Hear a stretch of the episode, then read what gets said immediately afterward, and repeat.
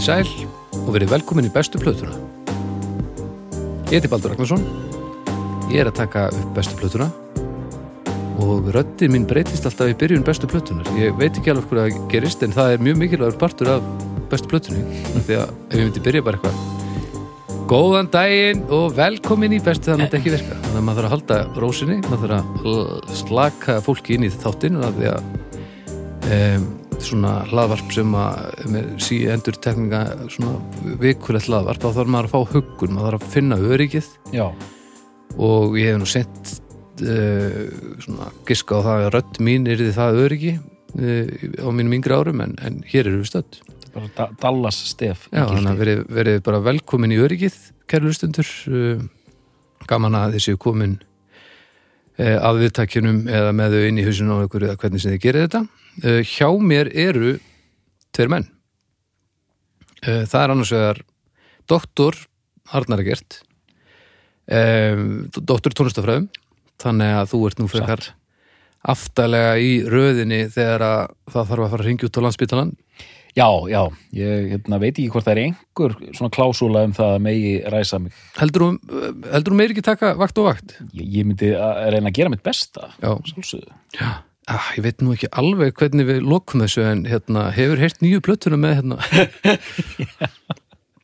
Æ, Þú getur búið til playlista fyrir alla sem að, e, eru að býða eða eitthvað svo Já, ég- Pældi og vera ráðinn bara í, í síkópásur lækna að segja þeim frá hérna hérna Síkópásur lækna Til þetta að eitthvað segja- 60s til að- segja þeim frá hvernig Traveling Wilburys plötur voru tegnar upp sko. það er ágæta stíl hvaða, þú veist, ef þú ættir að gera svona heila skurlækninga playlista, Já, hvað, þú veist ég er ekkert að byggja um lög, bara svona hvað, hvaða leið myndur þú fara að því? Þetta byrja á einhverju banger frá Autopsy. Já, þú fara Já. Eitthvað. Surgical stíl náttúrulega. Já, surgical stíl, strax kemur inn hafa Já, já. Ka- Karkas og Autopsy með einhverju heldur að vera ekki svona trublandi Raining Blood kannski, það fyrir kannski eftir hvað er að gerast þetta sumir færu í, þú veist heimstónlist eða eitthvað. Heimst tónlist, Nýjald, nýjaldar músík. Það er róa mannskapin eitthvað svona a- Atmo Atmo á, á, á bráðamótugunni og Veit bráða ekki með það en maður vil reyndar að hafa heila skurlæknin sem alveg bara on point, sko sko. ekki vera með hann með Cannibal Corpse á fullu plasti þú veist, kannski bara hjálpar það honum að innbytta sér. Kannski, en ef ekki veist, ég myndi ekkit vilja komast að því í heila skurðlækningu hvort að Alec Empire sé maðurinn til að peppa hann sko. Ég myndi þá frekar bara vilja gera það bara inn á kaffistofu. Já, Eden Back to Life. Ég elska þennan titil. Já. En Haukur uh, þú ekki frekar en ég við fáum sent símtalið að að hjálpa til held ég. Ekki nema bara við ræstingar. Já, og bara, já ég held að það er bara mjög gott að við séum kannski ekki nákvæmlega í þessum málum. Ekkert að því við séum hörmulegi menn heldur bara að ég held að við vitum ekkert hvað við ættum að gera og myndum kannski ekki standa okkur jafn vel og aðrir. Nei. við erum bara góður í einhver öðru. Já, já, uh, og þú er til dæmis góður í að tala uh, hérna, um tónlist. Uh, þrátt fyrir að þú sett ekki með neina gráður þá ertu hérna, forvitin og fróður og, og góður að tala við menta fólk á, á, á þeirra leveli en samt rödd alþýðunar þannig að þú ert mjög mikilvægur Já. hér sko við getum ekkert fengið Tómas hingað inn eitthvað það myndi aldrei ganga sko. Að maður þarf að- að velja fólki í hlutverkin sko. En gaman að sjá okkur sömulegis það er Alltaf. hérna alltaf. reysa verkefni í dag. Já, heldur betur. Heldur það er, betur. það er stutt á milli uh, stóra verka uh, þessa dagana já, sko. það eru tvær slegjur í röðurinn já, tísleikjun tvíslegjun uh, en áður en við gerum það, skulum við tala aðeins um hljóðkískjuna við skulum bara tala um, snæpi tala við fólk til dæmis, hann hittir uh, á, á 50 dögum á færan uh, einhvern í heimsókn og, og, og einhvern ein, einstakling og hann er bara einn heima hjá sér og tekur á móti fólki inn í stofu og, og búin að hella upp á góða kaffið og, og með omnámið fullar skálar og, og til í, í langa spjallið. Já, og ég get staðfest það að langa spjallið er langt spjall af því að af öllu því harðadisksplási sem ég hef sólundaði í hljóðkirkjuna þá held ég að Snæbjörn eigi ángríns svona þrjáfjóruð ég hugsa það. Já, en uh, á móti kemur þá uh, verða spjöllin líka áhugaverð og maður kemst að þó maður hafi verið að hlusta á þennan einstakling í viðtali bara einhver staður um daginn þá heyrir maður alltaf eitthvað nýtt af því að þegar þú þarft að halda áfram að tala um þig í þrjá, fjóra klukkutíma þá kemstu bara ekkert upp með að segja það sama aftur og aftur, það er bara ekki hægt. Nei. og svo hjálpar að Bibi er eins og haukur forvitin og finnst gaman að tala við fólk. Þannig að tekja því og fyndu snæpir tala við fólk, það er hressandi dót. Eh, Svo ætla ég að minnast á það núna áðurinn gleymi því að hérna, það komið nýr fítus á Spotify þar sem að hérna, hlustendur geta núna sem er að hlusta á hlaðvörp á Spotify eh, gefi stjörnur. Er, þannig að þið getið, ef þið er að hlusta á bestu plötuna uh, á Spotify þá getið þið gefið uh, 0 upp í 5 stjörnur. Og ef þið hafið tíma aflögu þá myndum við alveg þykja það að, því þá held ég maður aðeins leikja upp á einhverjum listum og einhverjum svona seti. Um, þið þurfið reyndar að hlusta á allavega 30 sekundur af, af hlaðarstætti áður þú getur gefið stjörnur fimm stjórnur og það er bara mjög passlegt því að eftir 30 sekundur er maður með uh, fullkomna sín á hvað, hversu margar stjörnur hlaðarpi á skilið. Þannig að, þannig að þið við gefa þessum þætti núna svona hinga til? þetta, Já, þetta er solid 3,5 ok. Um, Svo eru samstarfsaðilar. Já. um, Það er aldeilis mikilvægt og það er Rocksapn Íslands.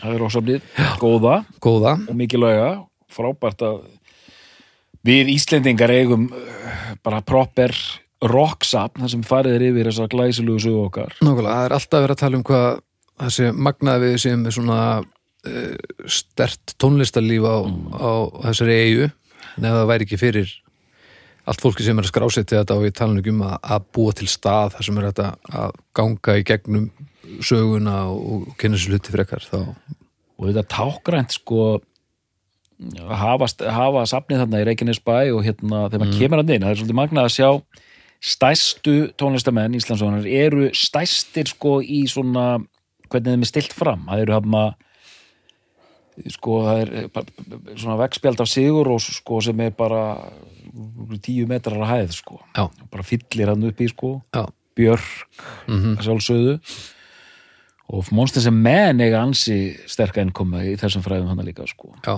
en að það er risa, það er risa þannig að þetta er vel, vel svona myndrænt veist, það er texti en eh, mjög myndvænt líka sko. Já, og grunninum líka gerð góð skil sko. Það er í gegnum það sem að frá að til öðrun að því það er ekkert það gerist ekkert að sjálfur sér að, að tónlistarlífi sé eins og það er hérna ef að enginn hefði tekið grændið þá væru við ekki að gera neitt. Það er bara svoleiðis, þannig að það er mjög mikilvægt að, að gaman að geta kynnt sér það sem að gerðist áður um maður fættist til dæmis og, og kynnt sér það svona á skemmtilega máta sko. þannig að rocksafnið, þeir skulle drífa ykkur þangað. Staðfest. Stórkonstat kíkja þangað og, og njóta stundar. Það Ég er nokkrum mikilvægt. Já. Um, Og svo er að sjófa að sjófa Það er sjófa, tryggingafélagi mitt um, Ég er einmitt að að standa í því að hérna, ég var að keira á bílum mínum og hafa bíl á undan mér eins og uh, þannig virkar umfyrin já, já, já, já. Nema, svo hérna hver, hvert ástu reyðan hund haukur og það voru komst í stúdíu var þetta hvað hafði í ósköpunum að gerast í maðurum en allavega, uh, það var bíl á undan mér og það var greinlega lausamöl. Og uh, eða þetta var leigumorgi sem tókst næstum, næstum því að klára það sem hann ætla að gera sem var að setja uh, stein á milli augnan á mér að það kom einn í rúðuna eitt stein og það kom svona djö- djöfulsins anskotarspunktur og þá fann maður að fara eitthvað að skoða hlutin og þetta er nú ekki það sem að ég nýt mín ekki best í þessu umhverfi eh, af öllu því sem að heimurinn hefur upp á bjóða. En ég fór inn á sjóf.is og fór eitthvað að tjekka þessu. Þetta þarf ekki að vera neitt sérstaklega flókið. Nei. maður lætur vita svo listi yfir verstæði og maður getur bara fundið hvert maður vil fara. Og ég til dæmis sem er með gríðalega fóbíu fyrir því að tala of mikið við fólk ef ég þar þess ekki. Ég til dæmis get farið gegnum þetta ferli bara án þess að eiga of mikil svona, svona persónulegri samskipti. Ég get bara haft þetta allt á e-maili Mm. eða bara gert þetta upp á einn spýtur og, og það er bara útlistað nokkuð vel hvað ég á að gera. Þetta, mér þykir væntum þegar að það er hugsað um fólk sem er ekki gott í, lífinu líka. Ég, eins og ég sagði hérna ég er bara góður einhver öðru en það er stundum sláandi hvað ég er lélugur í mörgu. Uh, og þetta er eitthvað því. Þannig að það er gott að, að fá hjálp í þessum öfnum hvernig er þið í þessu? Er þið, hafið bara gaman að þessu? Ég, ég ætlaði að fara að bánsa að hérna, já, það er aldrei á valega farið. Að við komum nú í ljós í síðasta þætti hérna, þegar einn, einn þáttastofnun var í beinni lífshættu. Já, Hmm. Já, þegar ég kútveltist af hoppjólinu. Já, alveg rétt já. Það er nú geta farið illa.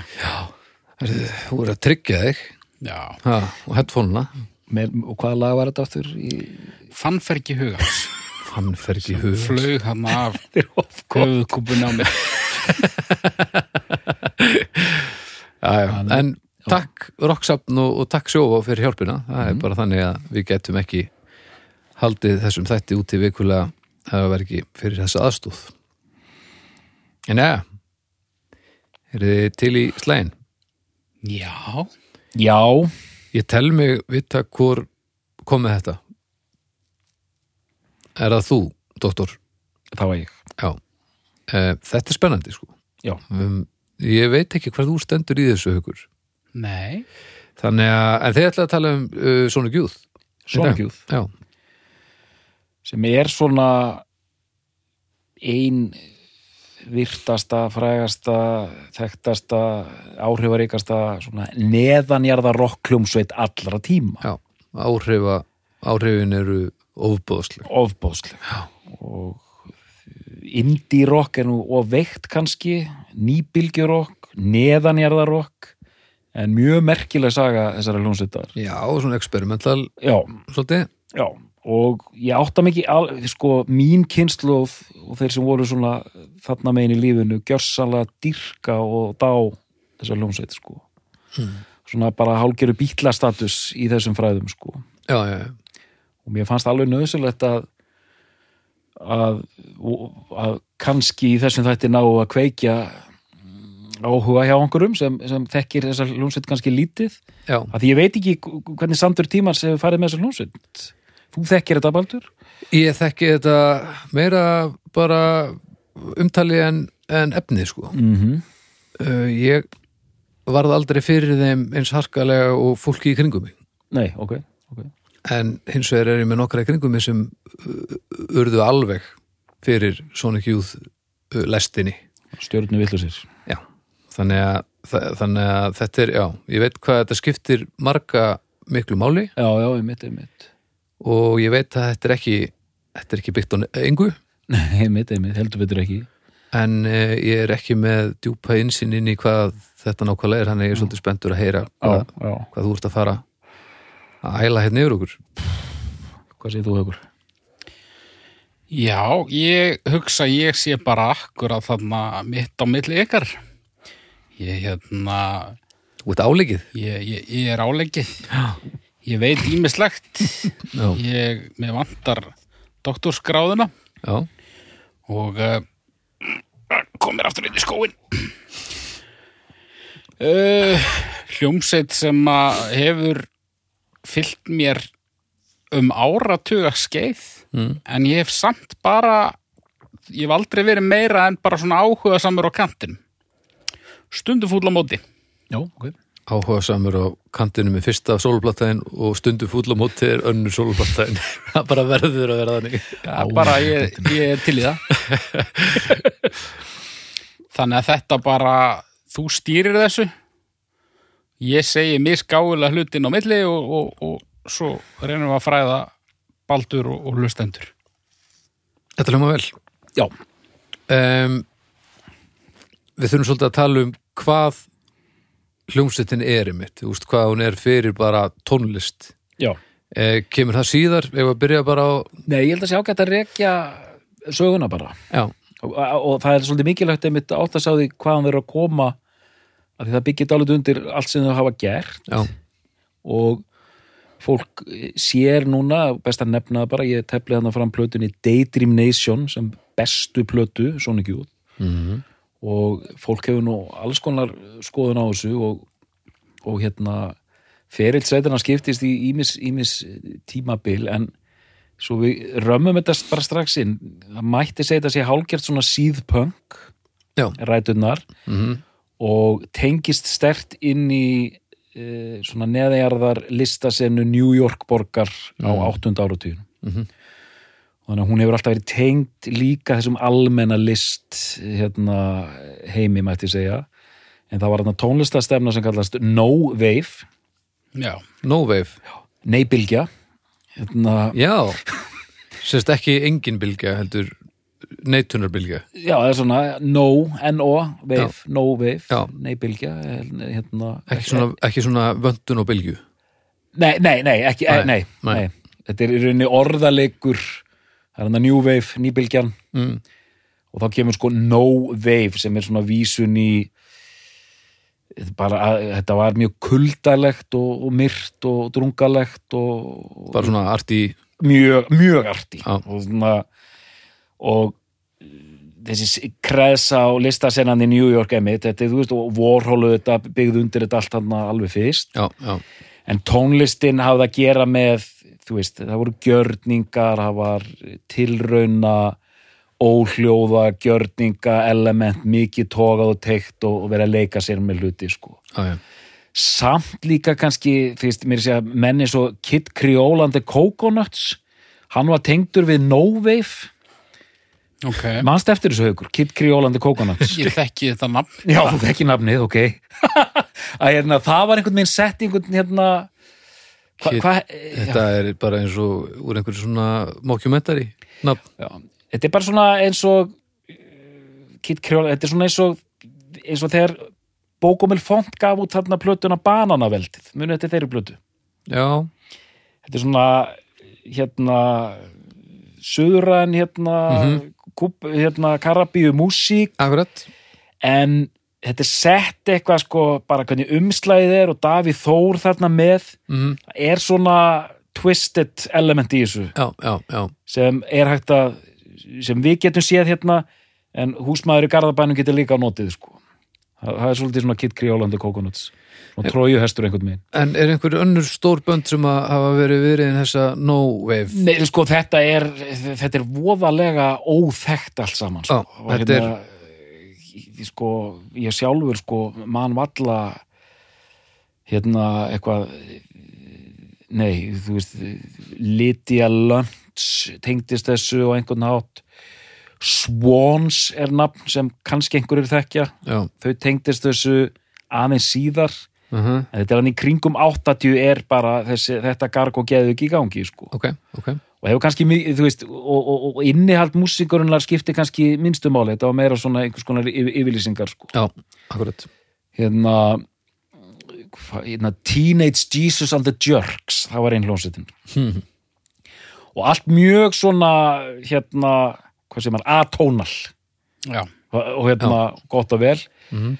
Og Sonic Youth svona byrja þarna, Sonic Youth, Swans, Madonna, með þess að alveg byrjun, hún tengdist þessari kreðsu já, já, þó að hún ákvað strax, nei, ég ætla að fara meira út í að gera svona disco og svona, en, en þá var þessi, þessi New York vibe voru þarna allt í kring, sko. hún var í eitthvað svona bandi eða ekki Gott ef ekki, sko. Einhver svona, já, það sem er bara verið að gera massívar, einhvers konar tilraunir, þenni öll mörk þarna. En síðan byrja Sonic Youth, Þetta er svona, já, er þetta þá að leka yfir bara, alveg bara í Beastie Boys feeling einhvern eða Sko- alveg fyrst nema það var náttúrulega svo sem hardcore já, þeir voru þetta í hardcore-inu, sko, já, þannig að sko en svona senur er alltaf miklu minni en maður, maður heldur sko. Já. þannig að sko e, þú veist, hann var ekkert um að rifjað upp Thurston Moore, söngvari og gítarleikari Sonic Youth, Madonna var þarna bara einn af, ein af genginu síðan fara menn bara í, í einhverjar áttir já, sko. já, og Sonic Youth auðvitað líka með einhverjar harkjarnar tengingar sko. En Akkurat. 81 sko, Þetta er frábært, ég bara vissi ekki að þetta verið til þannig að mjög- mjög skemmtilegt. Já, no, no Wave Já, bara aldrei heilt Ég held að Brian Eno hérna, hafi sett saman hérna hérna sapplötu sem hétt No New York. Já, sem voru einhverja þrjár fjóra hljónsettir sem til er þessar stefnu og þá komuðu svona glaðværir pönkarar frá LA og gáðu út sapplötuna Yes LA hérna hmm. anstöðu við við, Já, já. þennan- við drungan hann í New York á þessari plötu voru Contortion, Contortion Já, einmitt og Teenage Jesus and the Já. Jerks Mars og DNA Já, já, og þetta er svona þessi tónlist lifir í rauninni bara sem einhvers svona dokumentasjón sko. þegar einhverjir prófessorar fara, fara að rifið þetta upp það Já. er, það er ekkert verið að hlusta á þetta dag, sko. doktorar doktora sko. Þegar þeir fara hérna að mala sko, þá, þá hérna þá, þá voðum við þá, þá er voðum í sko.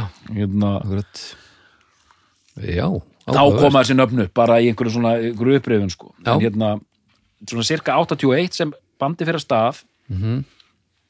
og uh, hann hérna Líranaldó, gítarleikari hann til dæmis starfaði með það var mikilvægur maður sem tengdist þessu nóveif dæmi Glenn Branca hann var að búa til svona gítartilrunir svona gítarorkestur með einhverju þvílíkum hérna Hmm. einhverju 20 gítarar í einu búa til svona noise og soundscape og, og allt þetta sko Já, já, já. og hérna en þegar þau byrja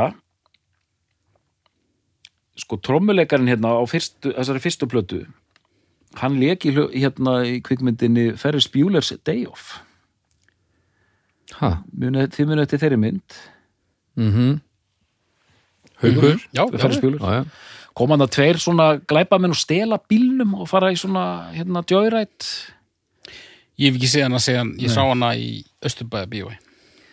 Hann, hann, hann leikur uh, glæbon Já, bói, sko. Já. hann leikur glæbon í, í þessari Ferris, Bueller mynd Ok. okay. trommarinn hann en þarna eru líka þrýr framtíðar meðlumir Sonic Youth, Thurston Moore uh, Kim Gordon kærastan hans og konun hans og Líra Naldó Líra Naldó var uh, ögn eldri Thurston kemur hann inn sem svona dálítið unglingur ok, og hann er svona hardcore kid já, í bandinu sko. Ok.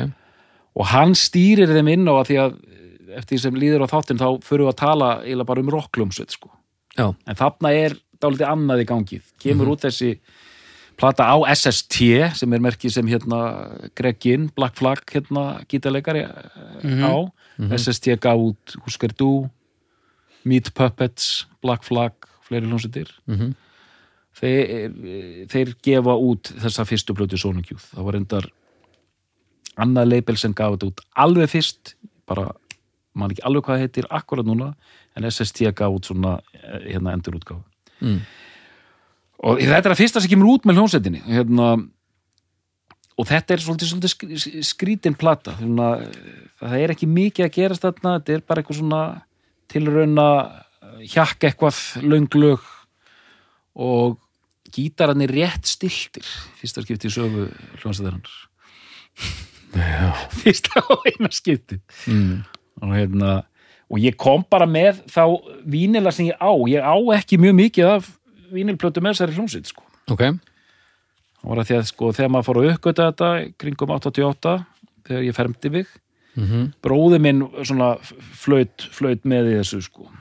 Þannig að hann átti líka Sonic Youth plötur Já, já, þetta var svona samvinnuverkefnið eitt af þeim og þá var maður alltaf í þessum þangangangi ef bróði minn átti gú þá var ég ekkert að kaupa gú sko. Allar á heimilinu, það er trikkið allar á heimilinu og hann, hann er næst, næsta herbergi hliðan á sko. Já. en hérna, ég hef búin að mala svo mikið ég ætla, þó þú hafir ekkert að segja hugur, þá ætla ég samt að hleypa þér í mikrofónun Já, ég hef ímislegt að segja, sko.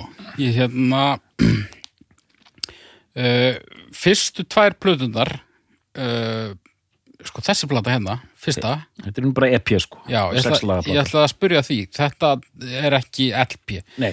Fyrsta LP, sko ég tók bara LP Já. plötunar Mhm. í þessu. uh, hún kemur hvað 83? já, Bad Moon Rising Nei, Nei. Confusion is sex Confusion. já, já, já, Confusion 6, afsakið Já. Þannig að ég hérna ég ætla svo sem ekkert að að fullera það að það sé sama í gangi þar og er þarna. En, en ef að þú tilur tímabært að fara bara yfir í hana já, já, gerum það. Absolutt, þá svona fannst mér hún skera sér svolítið úr þú veist þú talar um no wave en, en þú veist, mér fannst það bara vera þú veist það er þetta svona semi-punkljómsett bara. Mhm. svona miða við það sem á eftir kom. Já, uh, kannski ekkit alveg hefðbundið hægt. Já. Og kalt og skítugt Já. og, og ljótt, fráhrindandi. Eh, Skemmtilegt. Uh, Já, mér finnst það allt í lagi sko. Já, þetta er svona mér fannst ekkert mikið eh, finnst, ég er ekkert sérstaklega hrifin af þessum fyrstu plötum þó að ég kunna alveg að meta það sem er að gerast. Mm. þá er þetta ekkert að gera mikið fyrir mig persónulega. En, en mér fannst í rauninni ég ekkit heyra þar neitt svona forsmekk af því sem að kom setna en, en mér fannst það strax á, á plötu 2 mm. Bad Moon Rising og þetta er auðvitað þær plötur, Baldur, sem þú veist, þeir sem vilja vera rosalega ríl, auðvitað dyrka þessar plötur. Já, já, og setja cut-offið á þegar, þegar þetta fer alltaf poppast upp. Já, sjálfsögði, gamla trikki Gamla ja. trikki, sko, alltaf sama trikki sko. Ég, já, Sónu Gjúð alltaf eitna, byrja að vera eitna, leiðilegt þegar það var skemmtilegt. Mér, mér varstu best áður en þau verður til. Já. Nei, Confusion 6, það er eitthvað svona verið að Ég gæti alveg verið þarna samt, sko Já. Mér, mér finnst þetta uh, ekki beint skemmtilegar blöður mm. en þær eru heillandi og, Já, og, okay. og hérna þú talar um svona þú nefndir reyndar í öðru samhengi uh, soundscape Já, já uh, Mér finnst svona pínuð þannig svona, það er eitthvað svona þetta er bara svona eitthvað stemning Já, stemning, einmitt svona, Stemma Svona illa samhangandi einhvern megin en heillandi og á þessum tíma voru þau sannlega að hérna ústu, þau þróast áfram með hverju plötu mm.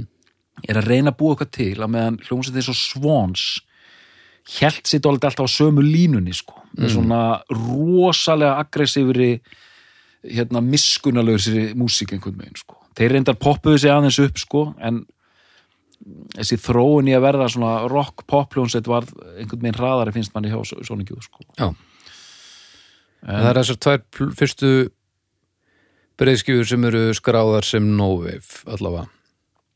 Já, og hérna og ég alveg tek undir hérna Átni Kristjánsson, ég ætla að neymdrópa hann hérna sálfræðingur og, og e- einu sinni gítarleikar í íslensku nýbylgjur og hljónsinu Rosebud ég man eftir kommenti frá honum hann sem sagði bara þegar maður heyrði plötur eins og Bad Moon Rising maður hafði bara aldrei heyrt annað eins. Já, já, já, Á- hann bara, maður bara vissi ekki hvert maður ætla, ætla að fara þegar maður heyrði þetta. Já, já. ef við förum aðeins bara yfir í ekki að fara bara yfir í Bad Moon Rising. Jú, það er bara lótt Mm og þá, er- þetta er alltaf verður alltaf þetta verður það er alltaf að koma meiri lög inn með hverju plötu í rauninni sko. Já, Það hefur nú ekki farið vel í í pjúristina Það er ekki. lög. Al, já, al, það, það, Sellout, það eru lög á þessari já, plötu. það er bara Aumingjar já, það er bara bannað sko. Já, ég staldraði svolítið við hana sko. ég, hérna, ég held að hún þætti ómerkileg svona í stóra samenginu já, en það var hérna það var eitthvað eitthva, eitthva skemmtilegt við þetta sko. en eh, líka, þetta var svona gott vond skemmtilegt leðilegt um, miklar gítartilraunir sem eru þetta svona aðalsmerki hljómsættarinnar Já. feedback og svona gítartilraunir Já, háaði fykta uh, stillingar já, já, já og uh, eitthvað skrítin hljóðfæri og eitthvað Já, og bara svona rosa eh, aftjúnaðir og, og svona, hvað heitir þetta? Er þetta, er þetta skrítnar tjúningar eða er þetta rángar, er þetta falskar tjúningar? eh, Nei, þetta er bara skrýtnað tjúningar eða Já. þú veist, já Þetta er bara, Þetta er ekkit viljandi falskir gítar eða neitt þannig neða, það er ekki, ekki þannig stemmari Æ. Og það er þessi, við þurfum vel að fá gítar hérna, sko, það er svona, það er hérna, eh, ef þú hefur efsta strengin opinn Mhm. og byrjar að færa putan á, neðri strengnum og gera svona, dín, dín, dín, dín, það er svona Sonic Youth hljómurinn fyrir mér, sko. Það var svona drónandi Já. opinn streng í grunninn og Já. svo færur, já, já, já, já. þá, þá kemur þetta Sonic vibe sko. Fyrir mér sem kann ekki spila gítar sko. En þetta er pós Pós, Já, er það ekki? hvað þá? Bara hljómsettin Mér langaði bara Mér langaði bara mögulega, mögulega að gera eitthvað brjálaðan hann úti og, og kannski þið líka. En sko en Þetta er pós Já Sko, Ég ætla að, já, halda fram Nú, ég, Nú er ég forvitin sko. Nú, já, nú var þetta alveg lett sko, ef Nú að kom bara nú stoppa á, uppeyja sko. Ef við tökum, ef við köllum þetta bara nýbylgjurokk, bara til einföldunar ok, þá eru Sonic Youth manóar nýbylgjunar wow. ok. Já. Ég hérna æ, ég veit ekki þeir eru út eitthvað að fykta í hérna plögginu á gítarnu þínum og setja henn á plötuna og eitthvað, þú, þú veist, haltu kjafti. Svona, en, en, en, en, en sko nú skil ég ekki sko ég held að haugur var að fara að trompa mig í, í Conor Sjör hérna skapnu, þegar, þegar, skapnum þegar hann er að segja ég staldraði við Bad Moon Rising já, og þetta mér- byrjaði svolítið þar sko. mér líkaði mjög vel það sem ég heyriði og ég fór að hugsa bara já, ok, haugur veit eitthvað sem ég veit ekki. Nei, sko það að mér finnist þetta að vera pós það útilokar ekki að mér geti þótt þetta skemmtilegt já, sko. já, já, Ég veist, Mano var mjög skemmtileg hljómsveit sko. en ég er mjög meðvitaður um að þar er verið að setja sig í stellingar Mhm, mhm. þarna finnst mér fólk vera að setja finnst sig í þér stellingar mann var ekki náttúrulegt eða? Nei, mér finnst það ekki sko já, En og sko, mér e- finnst, að um- finnst Sonic Youth eiginlega alltaf í stellingum uh, að Mér finnst um þess að að- allur gangur á því hvort það virki eða ekki. Mér finnst það oft virka en stundum finnst mér það ekki virka. Að fykta í plögginu til að fá skurðninga og setja plötuna er það svolítið svona eins og klippa galaböksunum sinnar Já, já, og, og svona þú veist hafa hests, hófa og vind sound effekta, þú veist. Já. En finnst þér ekki svo ég hérna Herðu, hefur þú hlusta á hérna Böll Loka með skálmöld? Nei. Það geti verið eitthvað á henni fyrir þig uh, Þetta er bara svo yfirgengilega mikið hérna noise rock er þetta vist kallað. Og þetta er bara svo uh, já, Sko- stundum gengur það fram að mér og Já, ég hugsa ok, þetta fólk kann alltaf hljóðfærin sín. Það eftir það kann að Í- spila góðu lögin. Já, það kann líka að spila einhverja hellaða djamkabla og, og einhver riff og alls konar svona. Og svo stundum eru það að gera bara eitthvað bara eitthvað drastl stundum er það skemmtilegt en en það ég, er, það má, mér er alveg með að kalla það pós sko. ég Já, er ekki að segja það sé endilega rétt. Nei, nei, ég er hérna, já, vá, ég er hérna, já, ég er eiginlega orðlaus, sko. Hérna, sko þegar eitthvað verður ákveðið listrænt þá verður það pós að einhver luti já, Það er mín upplifun sko. Uh, Svo erum við með bara við erum með svona hávaðaseggi þú veist. Fólk sem býr bara til mikinn hávaða í músíkinu sína, það eru einmitt Alec Empire uh, við erum með Dinosaur Junior það er nálgast öðruvísi heldur en Sonic Youth uh, held ég ég, ég ætla að segja, sko, uh, sko, Kim Gordon gæti aldrei spilað almennilega bassan, sko. Hún var, kom ekki inn í þetta sem góðu hljóðfæruleikari. Og uh, Thurston ekkert sérstaklega kannski. Ég get alveg samþitt, sko, þetta er þetta brjálaðslega arti, hérna, við getum alveg sett það bara niður, ok, þetta er arti músík, en sko, ég, og ég er að reyna að segja þetta á þess að ég sé að ver, verja þau beint sko, en þegar þú ert að gera einhverja svona skrýtna tjúningar kannski ertu líka að, að sagt, prófa hvað þú getur gert Já, mér til að fá eitthvað nýtt fram. Skrýtna tjúningar, það fer ekki töðan á mér en ég skil það sem haukur er að tala um að búa til kæruleysið, skipulega. Pródúsera að kæruleysið en ég er sammálaði með nýja stillingar þá gerur bara nýja öðruvísi hluti sem mögulega enginn hefur gert. En ég held sko að kæruleysi eins og þau sína Já, ég held að sé yfirleitt pródúserað en mjög oft er það það vel pródúserað að það gengur fullkomlega upp. Stundum Já. finnst mér það ekki ganga og ég held að, að orðið pós sé með neikvæðari merkingu í höfðinu þér þegar haukur segir að en hann er að meina það? Uh, pós er ekki ég held að hann sé ekki að, að ef ég er að lesa þér rétt haukur þá pós ekkert endilega slemt bara, nei, nei, ekkert alltaf sko. En náttúrulega þessi manúar samlíking var svakaleg. Já, hún, var, hún var frábær sko. Var, var það þegar kom fjagra sekundar þar? Það getur verið. Nei, það var bara þegar þú sagðir orðið pós sko. þá hérna Já, þegar pós er orð sem sem stingur ég sko. þurfti bara orð með, með slagkraft Já, ég er, Og- ég er ennþá með hnút í maðunum sko. en sko pós er orð sem er notað til þess að draga úr hvað ég segja, eh, svona Já, algjörlega, algjörlega einhvers Já. en það þarf ekki endilega að gera það sko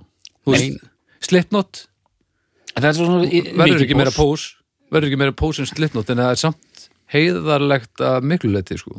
Já, Ég held að ég sé veist, hann er ekki trúður, hann er ekki farið í trúðaskóla sko. Ég held líka.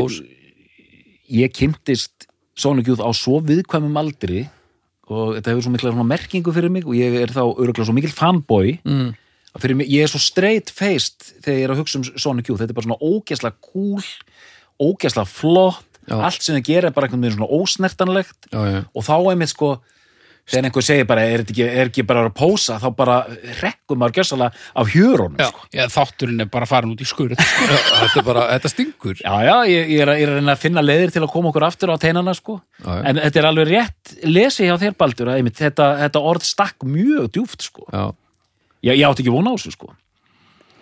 En svo, Nei, þetta er bara eins og segjum sér svo að þú sést bara 1780 eitthvað og einhver segir við, já, mótast hann er bara með aðsnæli tár Hvað maður að gera? Maður verður bara, en svo, svo líka upplifi ég pósið mismikið mill meðlima sko. ok kannski spilar þar inn í hvernig þetta endaði allt saman sem við fyrir nú örgulega eitthvað aðeins inn á eftir okay, okay. Kim, Kim Gordon Kim Gordon finnst mér til dæmis þrjára og hann, ekkert- ekkert þetta það mikill póser, 5,5 sko. Hvað segirðu? uh, Kim Gordon Já. mér til dæmis ekkit það mikil póser sko neða nei, við hennar fyrirverandi já, já, já, það er Thurston Moore sem sagt, a.k.a. svalasti maður í heimi. Hann er ekki svalasti come on. Einhver sláni með allt of þykkar varir og alltaf svona slef á þeim. En hérna, þetta er fyrsta útgangan í, í, í þættinum sko. En hérna, er hvern- ok, höldum áfram. Já, við þurfum einhvern veginn að ná að halda áfram. Ég vil að heyrist bara í svona hvernig glasið svona dettur og hringlar í því og síðan skellir, skellir störðin sko. Já, það er, það er alveg, það er ekki gefið við komist í gegnum þetta uh, stórslesa lust um, já já hérna, við getum rætt þetta sko. Hérna að því að ég, ég, þetta, ég, er, ég er ekki fáviti og hérna ég skil hvað þú ert að meina og en ég vil samt gefa þeim algjörlega það, ég vil ekki taka af þeim einhvers konar svona ærleg ega, sín á það okkur langar til að gera tilraunum í gítarnar nei, og búa til list. Mér myndi ekki detta til hugar sko. En uh, já, gaman að hleypa smá hérna, lífi í doktorinn í það. Já, og, og, og sjúga aðeins af því úr dóttornum líka sinns mér, hann var, hann var miklu kátari á hann, hann er miklu ringlaðri. Já, já, já, já. Já, en hérna við vorum uh, komnir að Batman Rising og þá erum við að fara að slaka okkur yfir í það var þegar mér leið vel. Já, uh, já það muni En- þegar, haukur fór, fór, að, fór að hérna, tala um hvað það var í dásalinn plata ég var bara, já, ok Mhm. já, en svo líður ár og þá kemur hann plata Evil Evil heitir Já. Evil já. hérna Það er plata sem að ég hef vitað að væri til síðan ég var svona 15 ára gamall Mm. og ég var að fatta bara núna við undirbúning þessa þáttar að þetta er love aftur á bak ég var ekki búin að kveikja því mm. en hérna, já uh, en, en sko, þú- en þú ert að fíla þennan hljóð, hljóðheim já, og erum henni betur en ég. Stundum, já. Uh, Gamla þa- hljóðheiminn. þennan gamla. Já, Já, eiginlega sko út af því að þessar fyrstu plötur þú veist, tökum hann Confusion plötuna út fyrir sögja vegna þess að það er bara hljómsveit einhvern veginn að- fóta sig svolítið, en þessar plötur uh, hérna Batman Rising. Bad Moon Rising, Evil hvað er, Sister, Sister, já. þar á eftir. Já. þarna heyrir maður svona stigmagnast svona það er að koma meiri mynd á þetta þú veist, þetta er, þetta er minna noise og, og meira indie algjörlega. Já. og, og mér finnst það mér finnst þetta allt bara mjög fínt sko. Já, mér finnst sko, ef ég man rétt, ég held að þessi eitt lag á Bad Moon Rising þar sem er aðeins færð að hinta að því sem getur orðið. Á Evil er þetta svona aðeins, aðeins að koma. Sister er svona fyrsta uh, platan það sem er, er orðið bara svona dægilegt svona indie rock. Já, það eina skráða svona genre Já. að viki er alternative rock.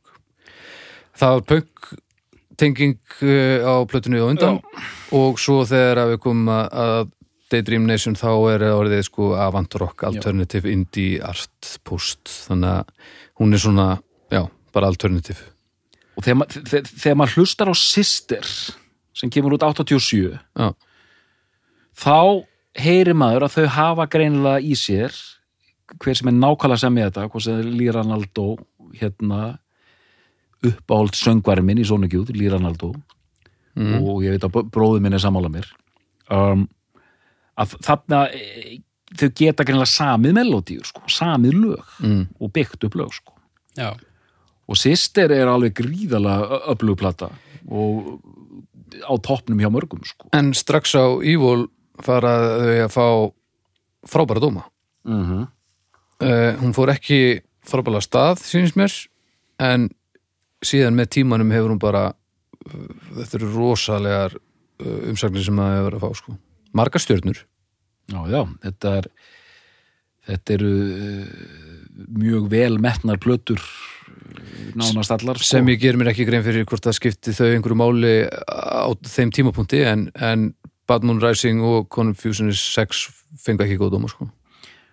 Nei, við getum líka en það hefur sennilega uh, verið gott fyrir þau í, í þeim félagskap í, í, Já, já, ég meina og ég, hérna sem stiður aðeins póskenningunas Já, og ég skal alveg hérna ég mun teika pirraða vagnin alveg aðeins setna sko. Ég get alveg, alveg hérna En te tekið smá undir pósið en ég er ekki alveg tilbúin ennþá Nei, ég er, ég, og ég vil bara minna það dæmis, ég er það illa hlustaður í, þessu að ég er bara svona að velta því upp sem þið segið þannig að, eh, að geta, þið sem eru að hlusta geti bara verið reið við haug, ekki mig, af því ég er bara að halda utan um þetta já, ég kom nú ekki inn í þennan þátt uh, sérstaklega til þess að reyna að sannfæra fólk um að þetta væri pós, sko. Þetta var nú bara svona smá, smá uh, hliðarpæling, sko. hliðarpæling sem stakk samt, beint í hertastað Já, greinilega, sko. og að passa þessar út, af, hliðarpælingar út af því að þegar að þarna er komið við sögu er ég ennþá bara all bort svona meir og minna sko. Já, ég vekki þólinmæði í þetta allt saman en hérna uh, en þessar plötur sem við erum búnir að nefna. Mm. og svo koma þarna kemur þarna Gú og, og hvað Dirty? Mm. já, eftir Daydream Nation. Á, já, eftir Daydream. Uh, sem Arnar stillir fram. Mm og hérna og þetta er, þú veist bara allt þokkalegt dót sko. En þetta er rosalegt raun, sko, frá Bad Moon Rising, sem er 85 er þróunin yfir í plötunum sem þú velur, Daydream Nation 88, þetta er sko fjóra plötur Já. á jafnmörgum árum. Og töluverður viðsnúningur heyrst mér í, í hvað er að gera, sko. Já, ég meina þarna gerast hlutindir einhvern veginn bara mjög hratt. Mhm. bandið þróast mjög hratt. Uh, það þróast í rauninni eh, að verða svona meiri rockljónsett, þetta eru bara grípandi rocklög. Og er það að því að þau vilja fara þá leiðina eða er einhver annar hvað til viljaðu verða stærra band já, vilja- já, ég held að það sé allt sko, hérna, já, þá getum við einmitt farið í svona þau voru alveg, þú veist, einhverjir aðeinar innan bandsins sérstaklega voru kannski með svona stjörnur í augunum, sko. Já. þau vilja, það er verið að strömlínulaga þetta og gera þetta aðgengilegra sem einhverjum hefur alveg pottet gramist af þessum gamla, sem voru þessum Batman Rising hérna vagni, Akkurat, þannig að þú veist sellout að því leitinu til en, veist, en þetta er allt spurning um kontekst hérna, þú veist ég, ég- hérna, einhver annar sem heyri sýster myndi aldrei líta á einhverja selloutplötu, myndi líta á þetta sem mjög grófa neðanjarðar rocksplötu sko. já, já, fyrir mér skiptir mestu máli, uh, mér finnst band alveg mega verða leiðilegt fyrir mér svo lengi sem fólk er að elta það sem að langa til að gera sama hvað það er, sko. já, já, veist, já. það- fólk má ekki gleyma sér í því að þetta snúist allt um raskat til þér einhvern veginn, sko. Nei, en ég var bara að pæla hvort að hvaðtinn væri einmitt, raunverulegu, sko, hvort þau vildu bara verða bara rockljónsveit Já, ég, og, mín, og ég held að sé bara eins eins og hjá öllum böndum, það er bara stuð er, þetta, er ge- þetta er að ganga upp þetta er að gerast, það er að koma þau eru að fá góð viðbröð, þau eru að spila tónleika og svona, og þú veist lögin eru góð, þetta er alltaf að verða betra og betra finnst mér, Já, Sister byrjar hérna með eh, hérna hérna skisofrínía sem er bara svona algjör indie rock slagari sko. Mm. ótrúlega flott bygging í því og, og, og, og svo plata er frábær, hún er æðisleg sko. ok. Uh, og sko og ennþá er og það er eitt, eitt vinkil sem er, við verðum eiginlega hendin líka hvernig Kim Gordon stendur sér sko. Að hérna uh, eftir því sem álýður og við erum komin inn í hérna Daydream Nation og, og sérstaklega Gú, þá fer hún svona að pröfa sig áfram, þú þarf til að hjálpa mér með þetta haukur. Hún fer að verða svona meira sexy sko. En á svona, þetta er ákveðin svona hvað er orðið sem- við notum? Þetta er ákveðin svona vald, valdefling sko. Já, hún er svona, ég er sexy og cool og töff. En hérna, þú veist, það er ákveðið svona agenda hjá henni, sko og Já. hún, hún bara, bara á hennar fórsöndum á hennar forsöndum og hún Já. talar um þetta í bókinni sinni hérna, að hún bara svona um þetta leiti ákvaði ég að fara að flexa þetta meira mm. út frá, þú veist, einhverju pælingu og hún er auðvitað alveg ógeðslega svöl, sko Já, og, hún er og það, náttúrulega- það tekur hún nú ekki að mér hugur nei, nei, og þú veist, hún, uh, ég held að hún eigi skuldlaust uh, bara þessa ímynd sem að varð síðan vinsæl hann í fyrirluta tíunda áratugar, bara hljómsveitir eins og hól og, Já, já, já, já. og, allt það dæmi, allt já, saman. já, svona Ég held að það sé voða mikið sótt í já, hennar bara svona útlit og áru og, og, og approach. Já, svona, svona alternative rock check það bara kemur alveg með þetta sko. já, en hérna en síðan verð ég hérna, ég verð að fá að segja frá einu hérna. Ok. Svo við höfum þetta all, allt saman á hreinu. Hérna ég er 14 ára gamall á viðkvæmum aldri. Nýbúin að fá fermingagræðunar ok, er að myndast í það að vera einhver indie rockari. Já, já, er að lusta á Jesus Mary Chain og, og, og My Bloody Valentine og allt þetta. Uh ég lappa inn í, inn í grammið sé þessa plötu hérna. Mhm. og hei, arti, þetta er arti og mér fannst arti vera cool Daydream Nation og ég bara svona, ú, veist, vá, þetta er flott sko uh -huh. kerti og annað stærra aftan á annars það, sér opna ég hérna Já. og þá bara á þessum tímapunkti Mhm. ég sé þetta fólk Mhm. og þetta var bara svalasta fólk sem ég hafði nokkuð tíman augunliti sko. Ekki maðurinn uh, þriði frá vinstri. Þi- þi- Þér hefur ekki þótt hann svalur, er það? Má, má þau sjá ég, ég hef ekki séð hann sko. já, Hann er bara að afgreða pilsur í svona SO-skála eitthvað staðar. sko. ég var að betra haugur myndi segja ekki maðurinn lengst til hægri og þá ætla ég að segja þegiðu Já, en hérna þetta er svo vinnur okkar Thurston Moore já, sem er að benda Enda, þetta er já, fyrir hlustendur, við erum sem sagt að búin að opna hérna Daydream Nation hérna Gatefold umslægið mm lengst til hægri er Thurston Moore. Mhm. Steve Shelley, trómari sem kom inn á Sister já. og gaf bandinu svolítið flott backbeat. Passa að missa plötur ekki út þarna.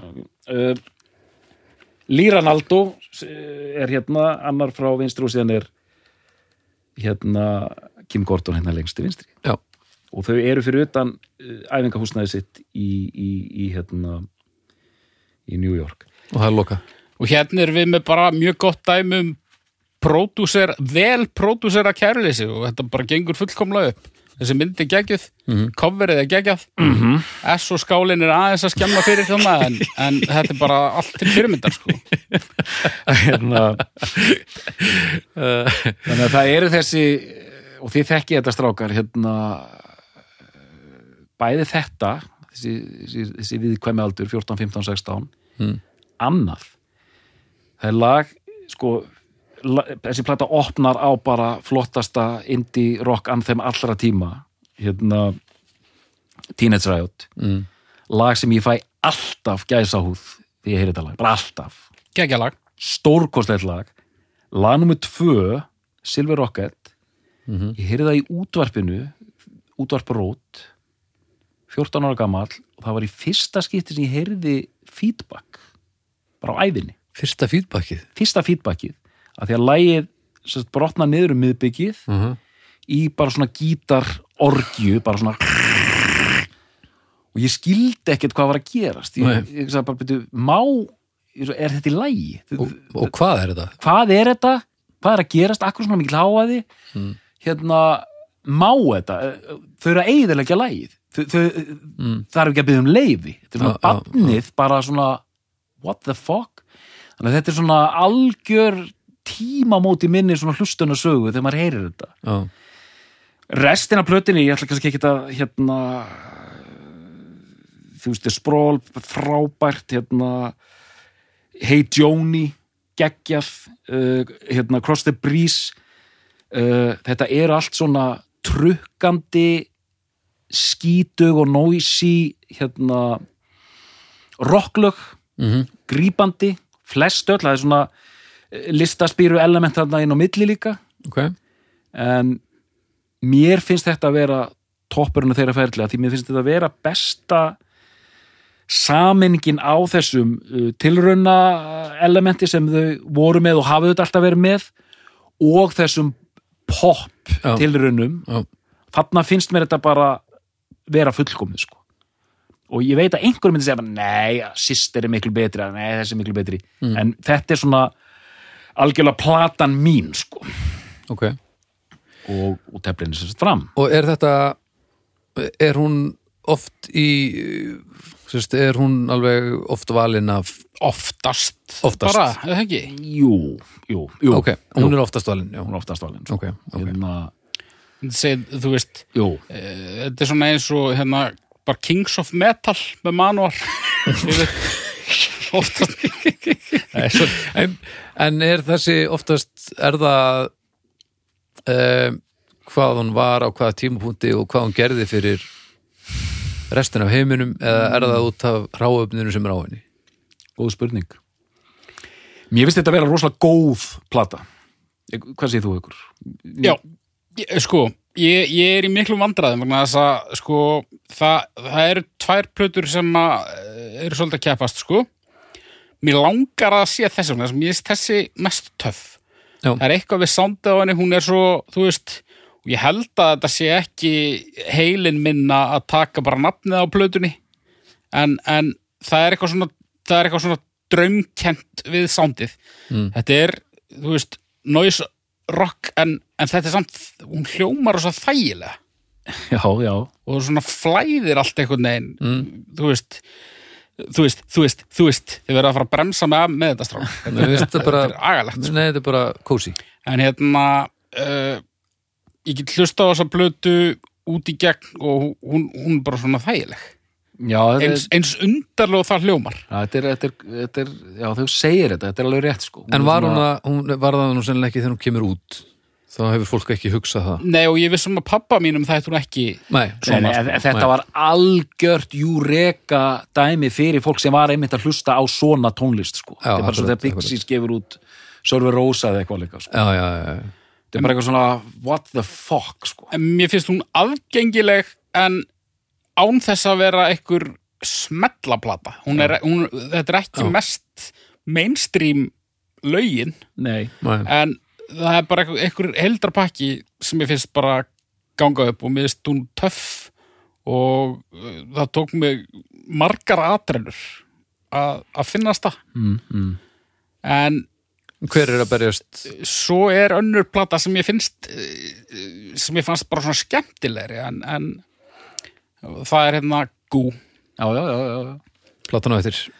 Og hérna þar, þar meira einhvern veginn ég sá það að- hún þykir svolítið svona poppuð en, en mér, mér finnst hún aggressívari samt líka, já, ég að bara rétta hann við kveðjum þessa hún rýfur meira í.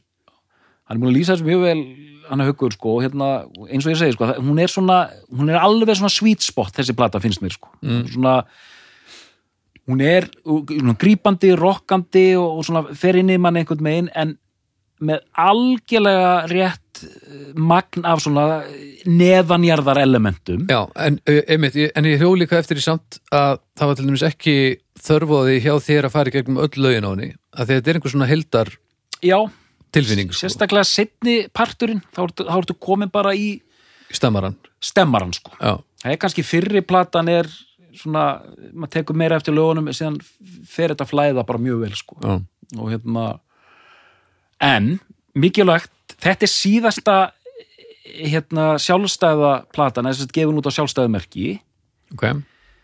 Gú kemur út á Geffen. Já, hérna merkinu sem gefur út hérna Nevermind. Já, og uh, þú bara lístir þessu ansi vel. Að það það er plata sem er ég held að fleiri myndi þekkja hana heldur en þessa sko Já allavega, allavega fleiri lög af henni. já, þar eru hittarar. Dirty Boots. Geggjalag sem heitir Tunic fjallar um hérna Karen Carpenter. Það er briljant mm, lag sem heitir Disappearer frábært. En síðan er svo Mode þar sem Líran Aldó syngur, það er mjög hart lag, er þetta ekki að vísi að það er meiri geggjun líka? Jú, líka bara soundið. já, Hún er bara svona, hún meira svona, mm já, já, já bara einhvern veginn og sumir hafa einmitt söbulegri. sumbulegri og sumir hafa sagt að þau hafi alls sem sagt ekki viljað, ok, við erum komin á major en við erum samt ógeðslega hérna brjáluð ennþá sko já ég hef heyrt þessu flekt sko Já, Svona, e, hérna, Eru þau meir og minna allan tíman svolítið við stjórnina? Eru þau ákveða hvert þau eru að fara? Þetta er ekki svona eitthvað sem að gerist bara, þau leggja ekki í plötu og veit ekki hvert þau ætla að fara með hana ef að leipilið hefði verið mikið að skipta sér af þeim, þá Já. hefði þau aldrei fengið að gefa út eina einustu af þessum plötum. En það er að segja major label. Já, Held ég, sko. já, Ég held að þau hljóta hafa haft nokkuð frjálsara hendur. já, já, já, já, þetta er bara Bara komum með eitt singul og við erum bara í góðum málum, sko. já. Og, þau, er- og þau sem sagt hafa vita hvert þau vildu fara með þetta, þetta var ekki svona eitthvað sjáum hvað gerist Nei, nei, ja, ja, sko, einmitt, þau voru alveg, alveg við stjórnina, sko Já, og þetta er líka á þeim tíma þar sem major leibelanir er að elta svona hljónsettir já, já, þetta er náttúrulega mjög sérmennandi á þessum tíma. Það, við töluðum um það hérna í Husker Du þættinum sem hérna gefið út plötu á Warner 88, nei 87 segi ég. Já. og þá er þetta underground í bandaríkjuna að byrja að koma upp. Gú kemur út áður en Nevermind kemur, kemur út sko. Já. Youth túrar með Nirvana ég var að lesa og fyndi að hérna menn voru eitthvað að spá, já kannski nær hún að selja svipað og Gú skilur, þá var Sonic Youth stóra bandið sko Já, Nirvana já, já. eitthvað hérna, sjáum hvað gerist Litlu strákanir. litlu strákarnir frá Seattle Já. sem verður þetta allt brjálað hérna með það sko Já, það, það seldist aðeins af henni eitthvað, eitthvað aðeins En sko ég held, ég held, þú varst að spyrja áðan hvort að, þú veist, þetta væri af fullum heimi, heimildum, heilindum. Mm. Ég held það sko, þrátt fyrir eitthvað grallaraskap hérna áðan. Maður heyrir það bæði á þessum blödum, á þessu, hérna, nú erum við alltaf að tala um eitthvað blómaskeið, en líka bara setna, þú veist, ef að þetta band hefði haft áhuga á að vera bara svona, svona þokkalega mainstream indie rock bara, þú veist, það hefði alveg geta það held ég. mm Þau Já. þurft að breyta hann sem miklu en ég held að þau hefði alveg, alveg geta gert það. Það hefði alveg geta verið svona eitthvað modest más dæmi, sko. já, já, já, já. En, en ég held að það hefði bara verið ákveðið að gera það ekki. mm.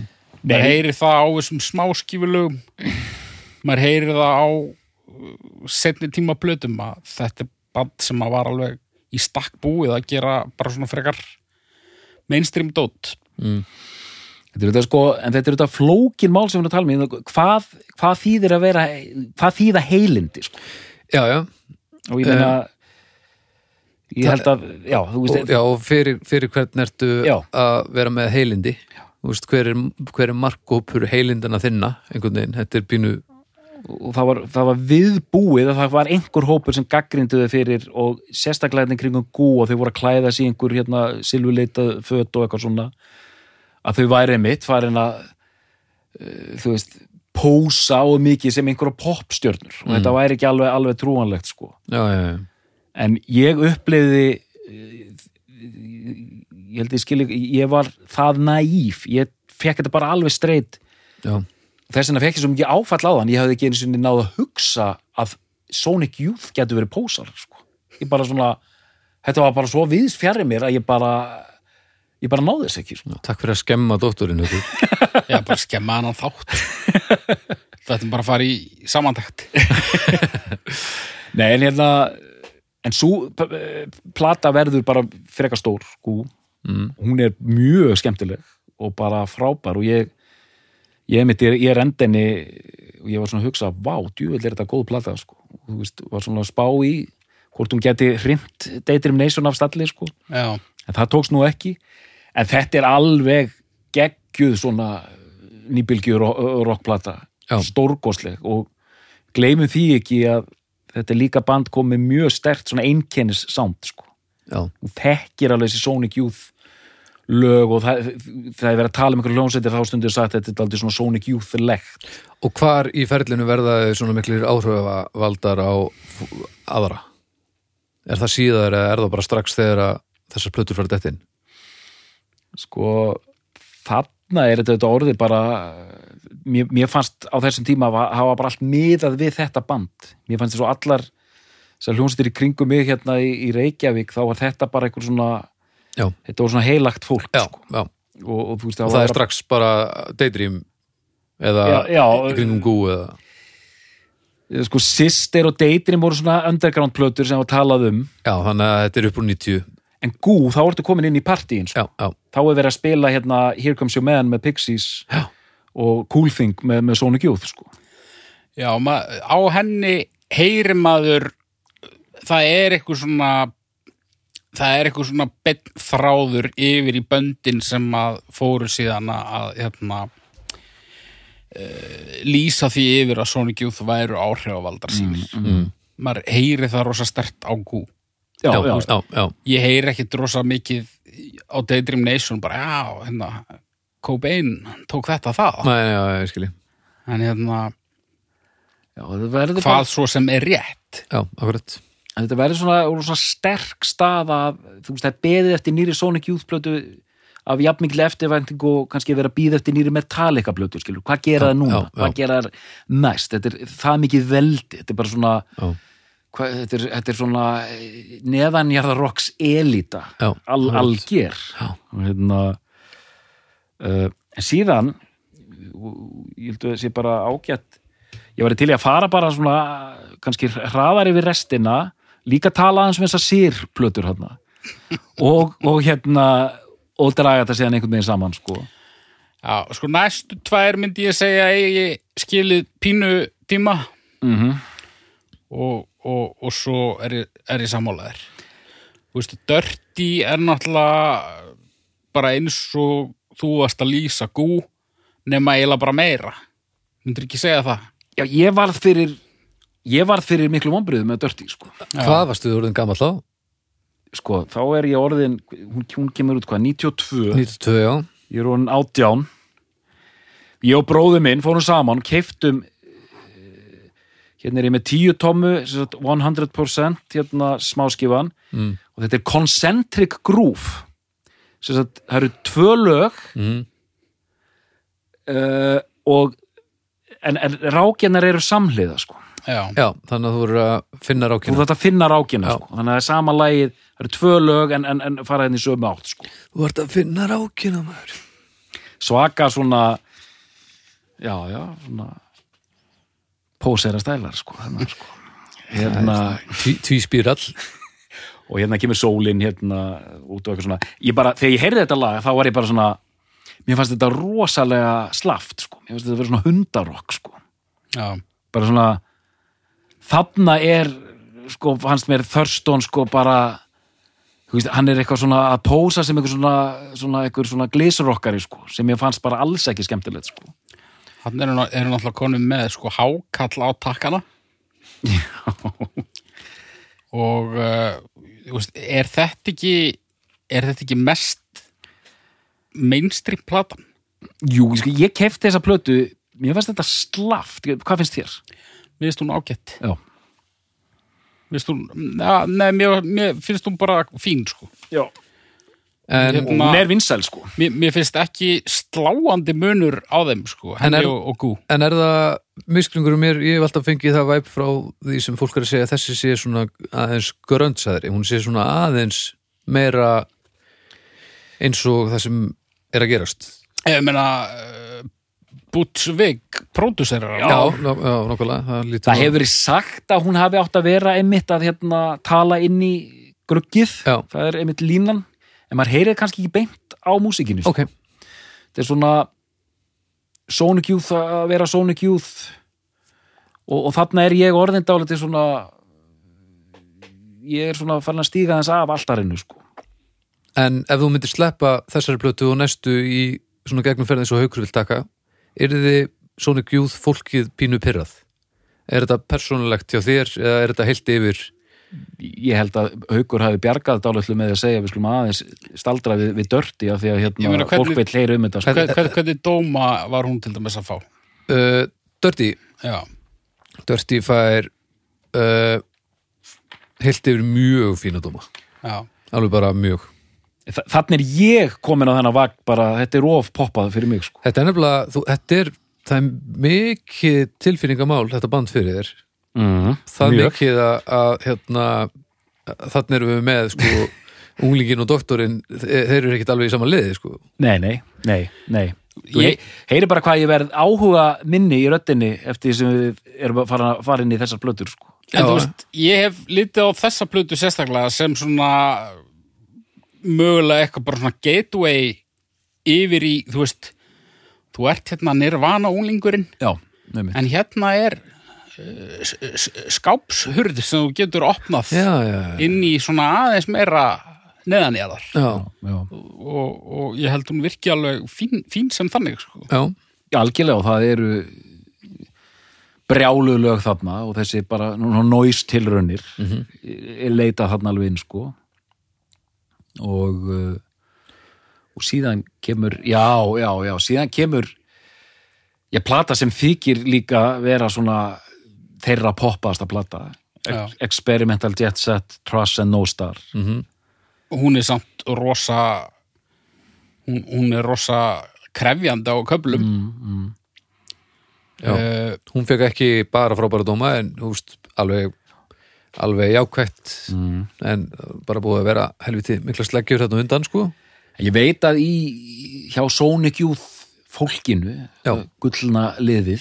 Sonic Youth þá er hún ekki velmetin sko. nei, Þykir svona vera orðið allt og mikið popgrugg eitthvað sko. og var það til þess að ná fram vinsældum eða var það að þið vildu gera það heldur Ég veit ekki hvað var í gangi Þetta er- þetta er svo dónalega spurningar mér finnst hún mér. vera því Þetta er svo meira- mikið tilfinningamál hjá Arnari og ég er að set, mér líður eins og ég sé að með lamb og ég er svona að sína því alltaf, já hérna ferði síðan ef þú ferði slátrun Nei, nei, ég, þetta er mjög góða spurningabaldur og kæri haukur, ég er að koma niður. Ég, ég varst ekkert að því að þú setti fram hérna pósera og manuál pælinguna. Bara besta mál og mjög góð uppeyja. Þannig að Ok. ég, ég ætla að skilja það eftir hérna núna mér langar nú aðeins að taka aftur upp hérna pósera þráðin sko. hvað er málið með nafnið á þessari plötu samt? Experimental Jet Set Trash and No Star já, come on, Já. krakka, come on nei, sko mér finnst súplata vera svona já, hérna það er einn eitt slagari mm, og svo er hérna smá svona sárabót fyrir síðustu tvær plötur fyrir ykkur sem að já, já, Mm. fannst við vera og eitthvað Já, ok En varst, ekki ekki. að segja, en varst þú ekki að segja að hún veri popari? sko mér finnst það ekki sko. En, það er, er, er rætt um það að þetta hafi verið svona bara einhvers konar þróavei plata sko, þannig séð. Þetta er áhugavert. En já, ég- en, en hérna þetta er eina Sonic Youth plata sem ég hef keft allavega. Ok, þá hafði ég heyrt Dirty.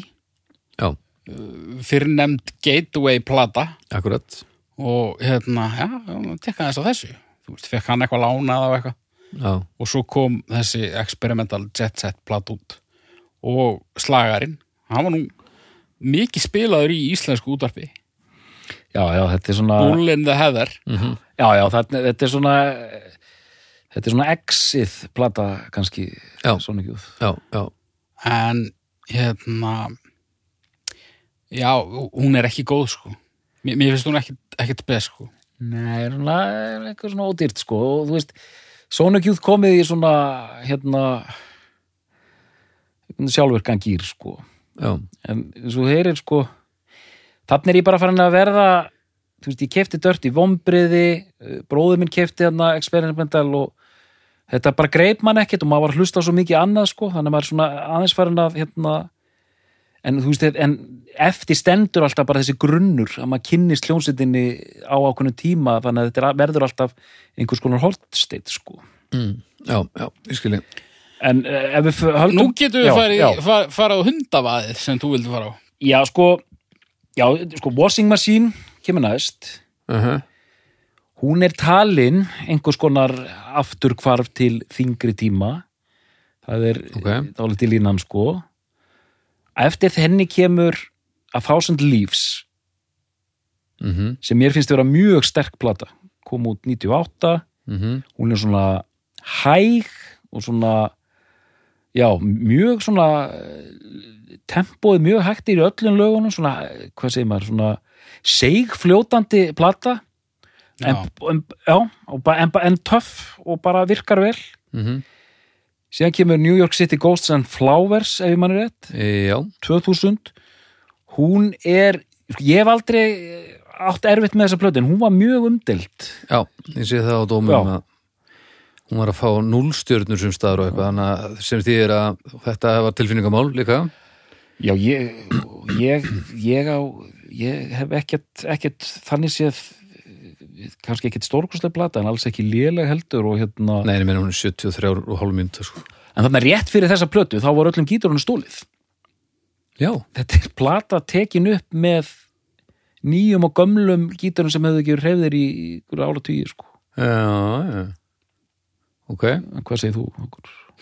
já þarna, þarna er ég orðin lélegur sko. Já, já, um mitt og svona og síðan eru plötur sem koma á eftir þessu. Og nú er ég að fara að styggja marga sem er að hlusta. Murray Street er næst held ég, 2002 nei, býtum við, það var að þá send líf sem var 73 ári, ég ætla nú ekki að vera drull yfir hérna. Allavega, uh, Murray Street, já, 2002 Tvö. hún er fín, ok, hún fekk nú fína dóma. Já, hún er bara, hún er fín, mjög fín sko. Já svo erum við með Sonic Nurse 2004 Ma, það eru su- sumir margir sem meta hana mjög vel. Ég bara er, nú er þetta orðið bara stáldi bara svona same old, same old sko og er það í alvörinni, er það af því hvernig þú stendur gagvart þessu? sko því ég var mér finnst eins og, tökum bara Sonic Youth það sem ég heyri er bara einhvers konar Sonic Youth músík sko. Ef þér, heldur að þér finnst þetta næs eða þér væri droppað inn í þetta á sama aldrei og þú kynntist þeim uppröðuna já, það geti alveg að hafa gerst sko. Já. Það er- þetta er góða punktur sko. uh, Rather Ripped er 2006 þar detti ég inn aftur ok, Já, einhverju hlutu vegna, ok, hún er rosa poppið. Er hún? Já, og mér finnst hún bara rosa fín. Ok, og það var kannski platan sem ég var að hugsa um áðan þegar ég var að tala um að, þau hefðu þetta nú alveg í sér að vera bara bara svona Já, melodíst indie rock band já, svona sem er stundum í útarpinu sko. Já. það er alveg þannig sko. hún er bara svona svolítið það vantar nú eitthvað þar. Hvað heitir hann það var eitthvað hættur þarna allavega. Uh, heldur séu manni færri.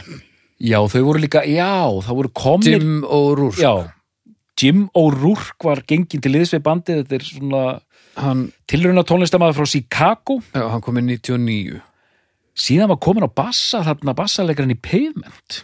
Já, ok, hann var orðin bara meðlumir í Sonic Youth Já, og býtu hvað var hún að gera hún var bara, eða hvort að hann var að spila bara, hún var að spila gítar líka eða eitthvað, allar hún var alveg í bandinu ennþá sko. Já, og síðan er hann að í Eternal, síðasta platan. Já. uh, sko og svona heilt yfir fínu dómar sko, það er bara en ég er líka, eins og þú segir, ef ef maður hefur varpað inn bara í síðustu plötuna Já, hérna ef maður fílar hennan gítar og þetta sound þá bara fílar maður þetta sko. Já, og þú veist, þetta, ég myndi það er nánast þú veist, enginn af þessu blötum eins og ræður eftir þetta er ekki, þetta, er ekki lélegt. Nei, ekki, ekki, ekki, ekki að segja það heldur þó að veist, maður, maður, ég persónulega fekk ekkert mikið út úr þessu sko. En þau svona- eru sko bæði sem sé Mark Ebold og já, Kim skráð á bassa. Já, einmitt, einmitt þarna undir að síðasta. Frá miðju árið 2006 bara til 2011 þá eru þau bæði á bassa. Já maður verður að hafa hvað að gera. En ok. En það er engin stórkostleg feilspor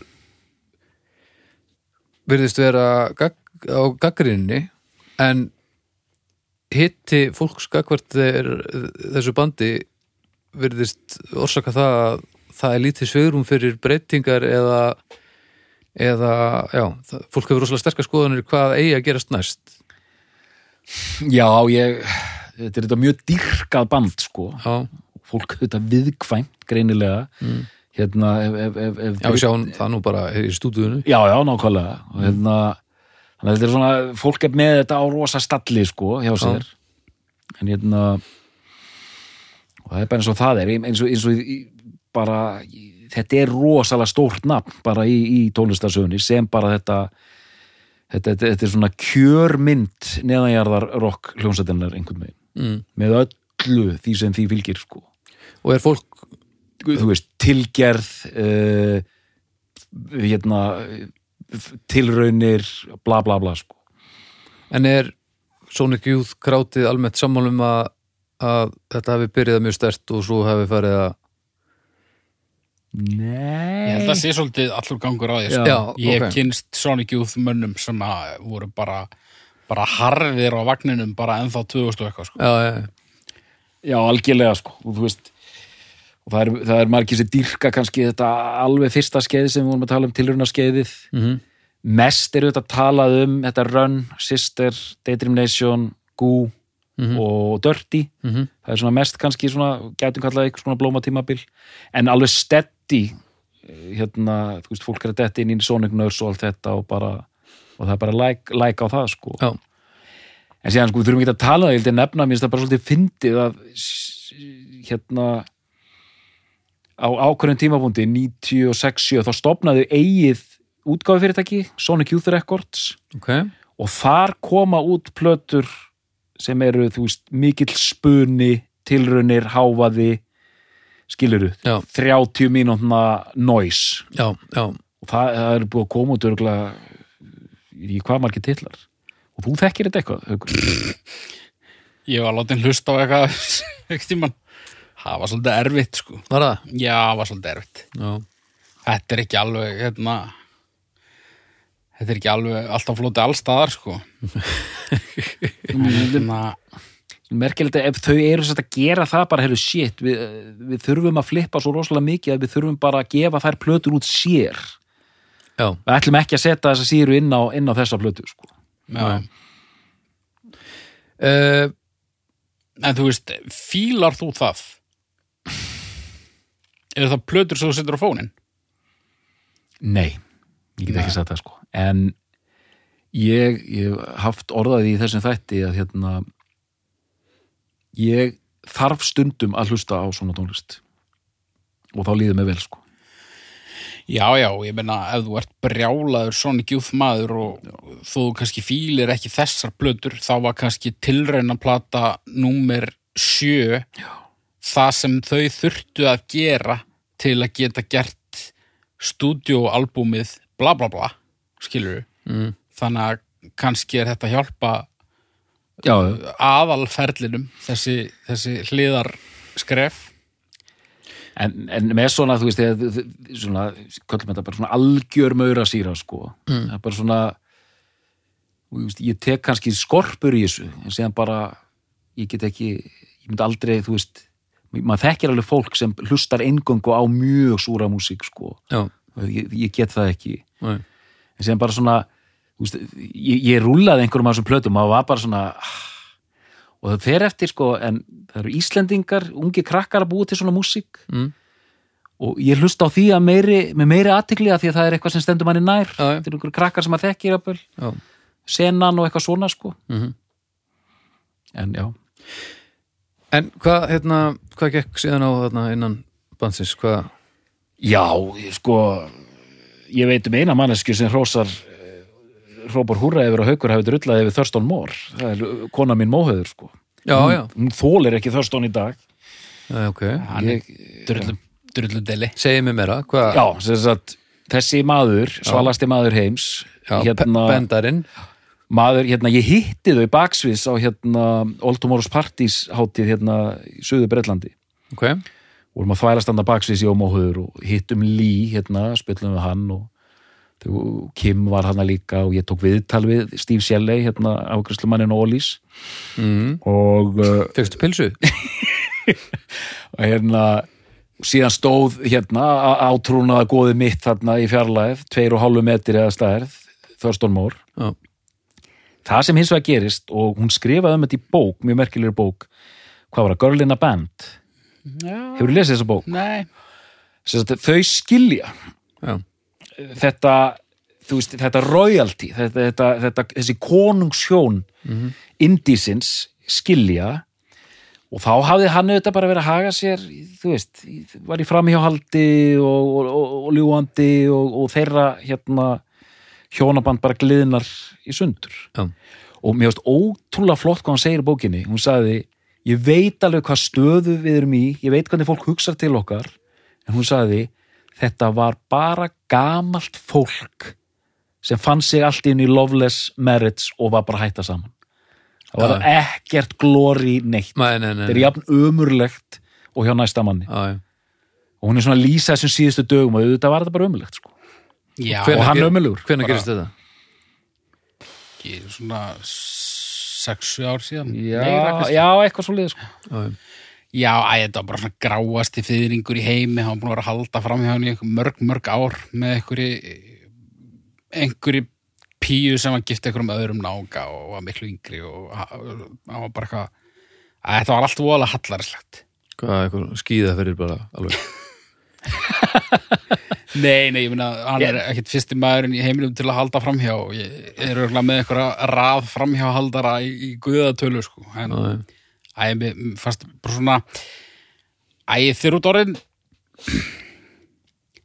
Það er bara ég hef sagt þetta áður það, það er mjög ósangjörn krafa en þeir út orðin ákveði svalur það áttu bara mátti ekki gera þú Átt að haga þér já þú þú átt að vera yfir það hafin að vera glataður eins og allir hinnir sko. Já, já, við erum einhver hérna einhver svona nýbylgju guð eitthvað með gráan fyrringa dandalast með einhverju einhverju, einhverju stelpu drepi og, og, og í hljómsveit með eigin konuðinni og, og fara bak við hann í mörg mörg ár og alveg ömulegt sko. En bandið hættir út á hverju? Út af þessu já, já Þá gerist þetta fyrir meir en 6-7 árum lítur það? já, getur verið tíu ára eða eitthvað, ég veit ekki Hver- hvenær, Hvernig er þetta 11? Ekki, 2011? kom hún ekki 2009 þarna í Törnal sem var síðasta, já, síðan haldaði kannski eitthvað áfram sko. Æ, Ég skal bara fletta þessu upp hérna en svona það, þetta var hjekk þú veist, bara sva- 2011, Já. tala um hérna. Það var, það, svörin voru bara eitthvað svona ég, ég sé ekki fram á að við munum nokkuð tíman koma saman aftur út af lelelele sko. Já, Thurston flutti til London og hefur hendi einhver bönd þar.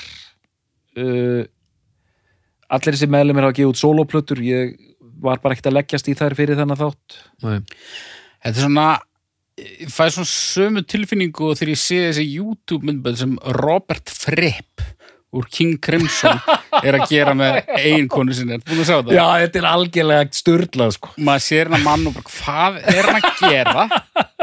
Bara af hverju? Já já. Þetta er svona. Já, já. Það er líka ekkert allir kúli manúar sko. Í, Og í dag? Já bara alla tíð sko. Já, sem ég hef nót benni, tekið viðtal við. Aha. Það var, það var bara New York band líka? New York band líka, það, það viðtal var alveg ótrúlegt sko. Þú veist enga pilsu þar? Nei. Þetta var ég, ég, það, þetta er ekki tími niður pláss fyrir að segja, segja þá sögu en það var, var mjög fyndið að spjalla við mann og var sko. Ótrúlegt. Já, það er bara það kemur síðar. Það en kemur hérna Ætli þessi bönd hafi verið tímann að spila saman? Í, bara svona einhverju New York klubbi tímann eitt Vá, þú segir það sko. Thurston Moore og Erik Adams bara baksvið bara en hérna áður en við Já. fyrir mjög uppgjör og svoleiðis bara hvað áhrif hva, hvað hefur þetta band gert fyrir músík? Já, miklu meira en ég átta mig á held ég sko. Já, absolutt, þú veist.